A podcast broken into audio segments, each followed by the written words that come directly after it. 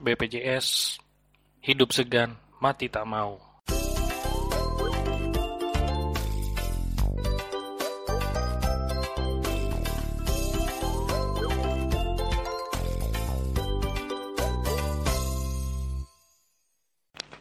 Assalamualaikum warahmatullahi wabarakatuh. Uh, kita balik lagi di Apoteker Talk. Hmm, di episode yang kedua Nah, kali ini gue akan mencoba membahas tentang yang tadi yang di prolog gue tuh tentang uh, ada apa sih dengan BPJS yang dibilang uh, hidup segan mati tak mau. Karena belakangan rame ya uh, mengenai BPJS ini ya di berita kita bisa akses uh, berapa banyak berapa banyak uh, defisit dari si BPJS ini. Nah, BPJS itu nih uh, dilansir di uh, eh, CNN Indonesia ya.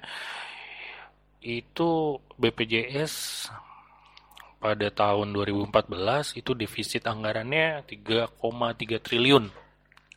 Lalu di tahun 2016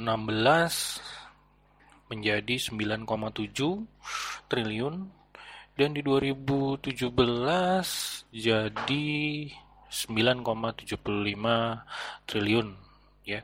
Nah, di 2018 itu diperkirakan atau diproyeksikan sekitar 16,5 triliun. Waduh, itu banyak banget tuh ya. Banyak 16,5 triliun ya. Tapi kenapa kira-kira kok bisa ya BPJS uh, eh, defisit segitu banyaknya gitu ya? Uh, banyak faktor sih ya banyak faktor menurut gue banyak faktor yang menyebabkan uh, si apa namanya BPJS ini bisa jadi defisit segitu besar gitu kan. Yang pertama mungkin aja sih uh, yang ini yang gue amatin aja sih. Banyak orang yang gak mau bayar ya kan dan hanya mau pas lagi sakitnya aja misalkan. Nah itu juga ternyata kalau dikumpul-kumpulin kumpulin oh, ternyata angkanya gede juga gitu kan. Pada saat dia sakit ya pada dia sakit dia bikin tuh BPJS tapi giliran dia sembuh malas lagi bayarnya. Lalu yang kedua itu tadi pada uh, uh, yang non mandiri ya yang nggak bayar sendiri gitu. Kayak misalkan yang di perusahaan atau di uh, eh, PNS itu juga ternyata uh, banyak yang telat pembayarannya. Banyak yang telat di pemerintahan pun sendiri. Berdasarkan uh, kemarin Pak Timbul ya dari BPJS eh kuasa hukum BPJS Watch itu ternyata uh, cukup tinggi juga uh, pembayaran instansi dan instansi pemerintah dan non pemerintah yang terlambat bayar juga ke BPJS katanya sih gitu. Ya. Nah kita nggak tahu deh. Uh, tapi ini imbasnya banyak. Imbasnya banyak ya. Karena di Indonesia kita nggak punya asuransi yang cover. Beda sama di luar negeri ya. Di luar negeri kesehatan jadi prioritas utama ya, prioritas utama eh, diasuransikan siapa namanya si penduduknya masyarakatnya. Nah sebenarnya programnya bagus cuman mungkin eksekusinya aja yang eh, mungkin banyak kesalahan lah mungkin masih banyak mungkin masih banyak belajar mungkin masih banyak kesalahannya kita tunggu aja sih. Ya kita tunggu aja mau dibawa ke mana nih BPJS nih ya. Uh, banyak yang ngeluh juga gitu nggak cuman dari sektor si pasiennya juga tetapi dari segi pekerjaannya juga sama. Banyak yang ngeluh juga gitu ya. Contoh kayak banyak tenaga kesehatan juga gitu. Pasiennya banyak banget tapi uh, uh, timbal balik ke tenaga kesehatannya dengan fee-nya itu sedikit banget, kecil. Ya. Kecil banget malahan. Lalu proses uh, pengadaan obat juga sama. Uh, gua ambil contoh di teman-teman yang ada di rumah sakit tuh udah banyak yang ngeluh tuh utang BPJS banyak banget di rumah sakit untuk pengadaan obat. Jadi uh, mungkin di di rumah sakit itu gue ngomong cuman yang masalah obat doang ya.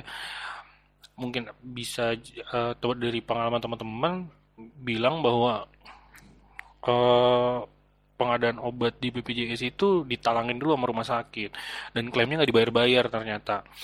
Uh, jadi rumah sakit harus ngeluarin dana talangan buat nyediain obat. Jadi kalau pasien BPJS berobat di rumah sakit nih sekarang nih ternyata banyak obat yang kosong. Ya, ya karena ya mungkin rumah sakit juga udah nggak sanggup lagi gitu buat uh, apa namanya buat nalangin. Nah, masalah lagi tuh di situ. ya karena uh, kalau di uh, fasilitas kesehatan tingkat pertama ya kayak di puskesmas kayak di puskesmas di uh, klinik pertama pengada kalau di puskesmas contoh yang di instansi pemerintah ya itu pengadaan obat untuk pasien BPJS semua menggunakan uh, sistem e-pur caching. Ya pakai e-pur caching uh, atau obat-obat e-katalog yang kita nyebut obat-obat e-katalog nah sebenarnya dana dana untuk pembelian obat tuh ada. Nah, terkadang yang jadi masalah adalah ketersediaan. Ya, ketersediaan obat-obat untuk e-katalog ini eh, nggak uh, sama kayak obat-obat uh, reguler.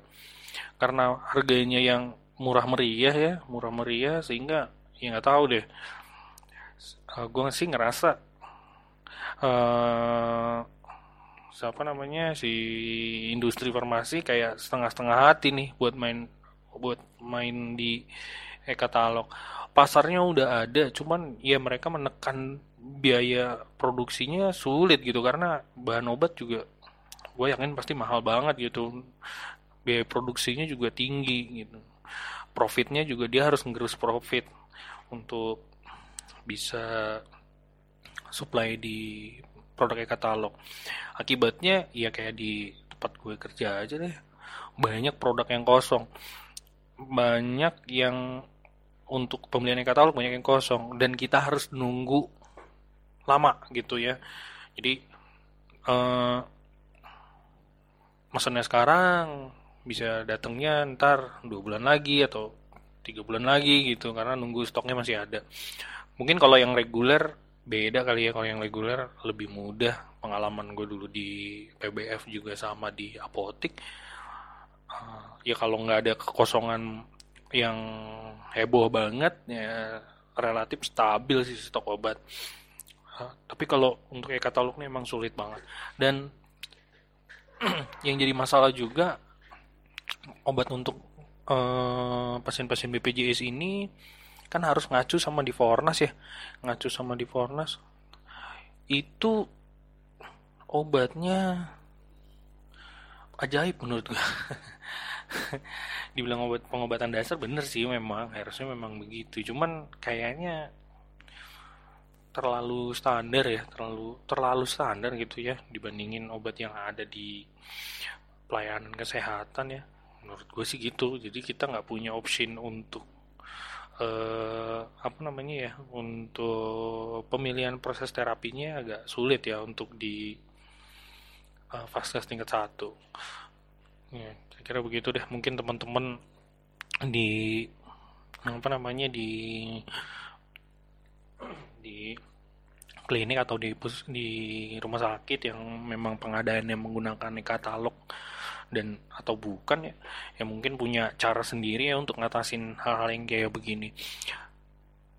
Uh, untuk ngatasin utang BPJS di uh, ngatasin hal kendala-kendala begini nih ya soalnya banyak banget nih kendalanya nih. Ya kayak misalkan nih pasien lah ditolak dan segala macem lah gue rasa sih harusnya selain bekerja sama ya BPJS sudah mulai harus invest di buat rumah sakit kali biar biar bisa paham gitu gimana beratnya ngelola rumah sakit kali jadi semua pasien BPJS masuk ke dalam situ atau enggak dia nge-hire satu rumah sakit yang memang full gitu ya di daerah, satu daerah memang full untuk ngelayanin pasien BPJS aja gitu kan. Selama ini cuman oh, mungkin di RSUD aja kali yang punya pemerintah yang full ngelayanin BPJS. Yang lainnya kayak di rumah sakit rumah sakit swasta kan semuanya uh, dijatahin. Jadi dijatahin nggak nggak full semuanya. Mereka nggak boleh nolak sih cuman mereka kan punya kapasitas dan kapasitas itu nggak dipakai semuanya untuk itu. Gitu.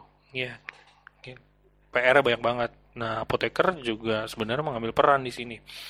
Uh, karena pengadaan obat model begini nih tuh sulit banget gitu. Uh, kalau orang yang nggak biasa buat pengadaan obat, apalagi obat di katalog pasti mumet, pasti mumet. Harganya mahal, duitnya banyak, tapi barangnya nggak ada. Nah, itu tuh pusing, ya pusing kalau duitnya banyak, barangnya ada, lebih mudah. Nah ini masalahnya barangnya nggak ada dan dikejar-kejar deadline waktu untuk pembelian karena uh, dikejar-kejar sum apa anggaran serapan anggaran. Nah, itu yang menurut gue agak sulit di tantangannya sih sebenarnya di era BPJS seperti ini untuk pengadaan obat. Nah teman-teman mungkin punya pengalaman sendiri ya nanti boleh di dibagikan. Ya atau nanti kalau misalkan ada yang unik banget gitu kan kita bikin podcast bareng untuk ngomongin ini lagi nanti ya. Nah nanti di di segmen yang kedua nih gue ada ada uh, bikin segmen baru ya namanya apotekerpedia. Jadi gue akan coba membahas sesuatu yang baru atau sesuatu yang mungkin eh, nggak uh, banyak orang tahu tentang di farmasi ya. Oke. okay.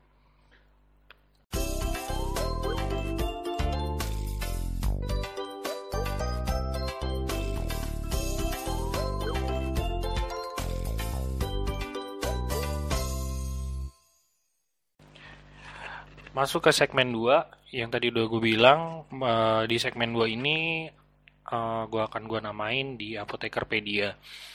Uh, di Apotekerpedia ini akan kita akan bahas berita-berita terbaru atau sesuatu yang mungkin berita lama atau itu udah kita bahas yang mungkin uh, teman-teman nggak tahu atau belum tahu atau gue yang baru tahu gitu.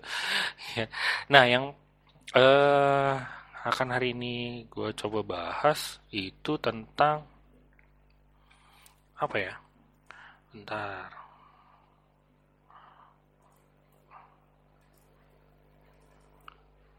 Nah, nih. Uh, belakangan baru nih, baru banget.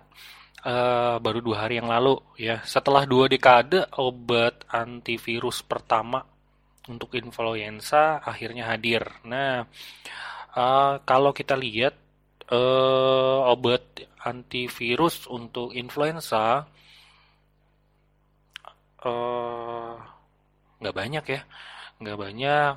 Kalau kita mundur ke belakang, mungkin waktu kasus uh, flu burung dan flu babi, kita uh, tahu tuh ada obat uh, Tamiflu. Nah itu obat antivirus, tapi itu dikhususkan untuk uh, virus flu burung dan flu babi.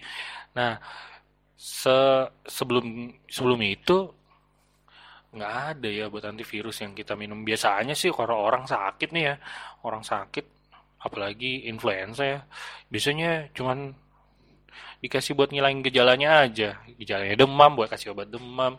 Lalu uh, hidungnya mampet dikasih dekongestan ya kan? Atau uh, buat alergi misalkan ya kan itu bisa juga tuh terjadi.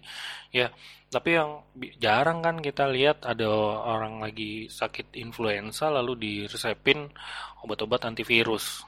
Nah biasanya dikasihnya malah vitamin untuk meningkatkan daya tahan tubuh. Nah setelah uh, setelah dua dekade nih hampir 20 tahun ya akhirnya FDA atau Food and Drug Administration, nah itu badan POM-nya si Amerika, itu menyetujui uh, antivirus pertama untuk influenza, namanya Balok Safir Marboxil. Waduh, keren banget namanya ya. Nah, Balok Safir Marboxil ya. Nah, ini dikhususkan untuk pengobatan influenza akut tanpa komplikasi pada pasien berusia 12 tahun atau lebih tua yang telah bergejala selama tidak lebih dari 48 jam. Nah, jadi kalau eh, gejalanya udah lebih dari 48 jam mungkin terapinya berbeda. Tapi ini baru terapi untuk uh, uh, influenza akut.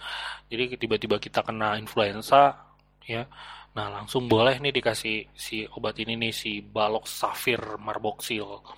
Nah, nah per tujuh eh, dia bilang ribuan orang tuh kena flu ya setiap tahun dan banyak yang menjadi parah. Nah, makanya kita mencoba cari alternatif pengobatan yang lebih aman ya dan lebih efektif yaitu adalah pengobatan untuk influenza akut yang datang tiba-tiba. Ya. Yeah. nah, di uji klinis ini ternyata keamanan uh, si uji balok safir marboxil ini pakai uh, dosis tunggal digunakan per oral, ya.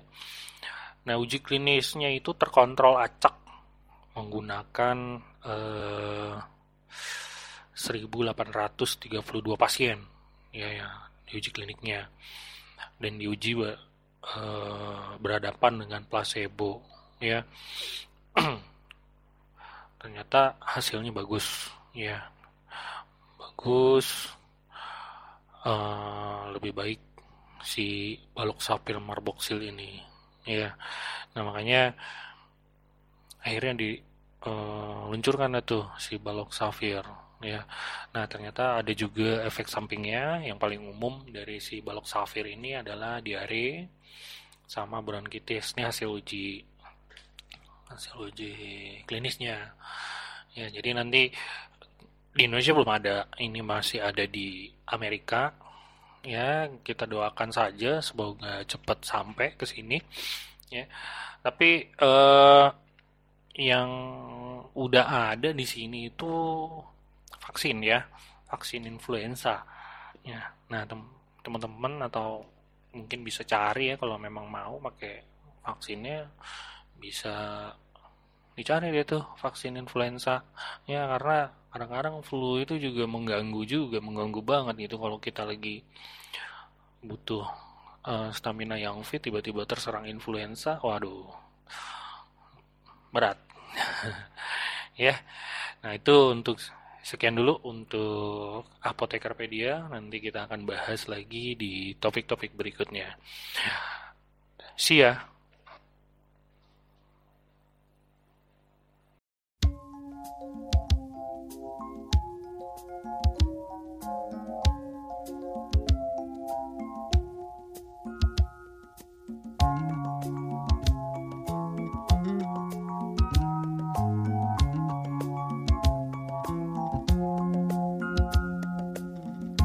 see the crystal raindrops fall, and the beauty of it all is when the sun comes shining through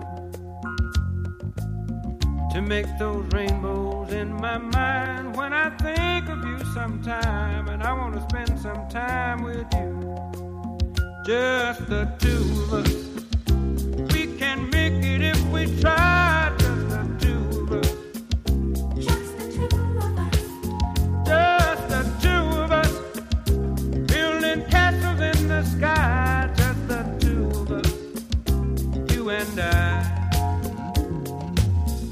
Look for love, no time for tears. Wasted water's all that is, and it don't make no flowers grow. Good things might come to those who wait, but not for those who wait too late. We gotta go for all we know. Just the two of us. We can make it if we try, just the two of us.